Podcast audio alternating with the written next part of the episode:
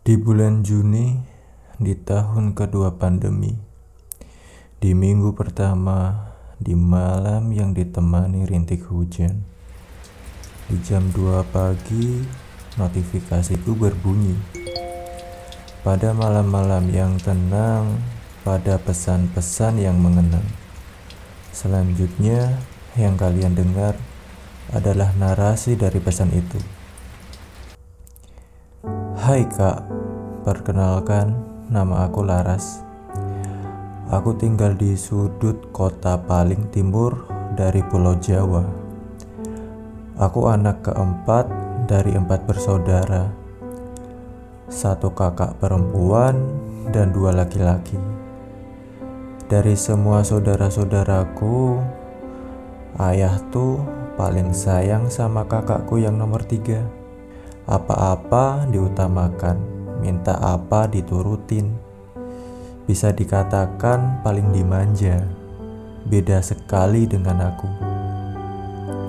Sedangkan aku dari kecil tinggal sama nenek sampai aku kelas 4 SD. Nenek orangnya baik banget. Aku sakit dirawat, perhatiannya dan kasih sayangnya berasa.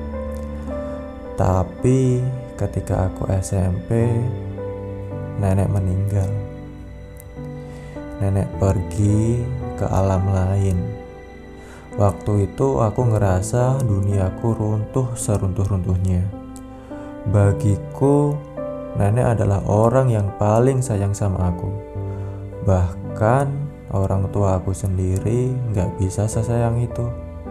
Seperti sayangnya nenek ke aku. Sampai pada satu titik aku merasa seperti sendirian, diabaikan. Aku sakit ya harus berobat sendiri, merawat diri sendiri. Itu pun aku masih dimarahin. Parahnya lagi, orang yang aku percaya Orang yang aku sayang ikutan pergi, meninggalkan aku tanpa ada kabar, tanpa ada alasan dan kejelasan. Apa ya sebegitunya aku tidak diinginkan? Aku juga nggak minta buat dilahirkan. Lalu, kenapa nggak dititipkan aja ke panti asuhan? Kenapa masih dibiarkan untuk tinggal? Lagi-lagi, di otakku cuma ada kenapa dan kenapa. Jujur sekarang buat aku cinta itu hanya sebatas filosofis interaksi hubungan dua anak Adam karena adanya simbiosis mutualisme baik secara emosional maupun materi. Walaupun kemarin pernah sama-sama saling mengisi, Ketika sudah memberatkan mental, siapa berhak untuk melepaskan satu dan atau keduanya dengan atau tanpa permisi? Brutal ya. Satu-satunya yang bikin aku bertahan, aku percaya bahwa Tuhan pasti punya alasan kenapa aku masih dibiarkan hidup. Aku masih dibiarkan bernafas meski tak jarang sesak dan banyak air mata yang keluar.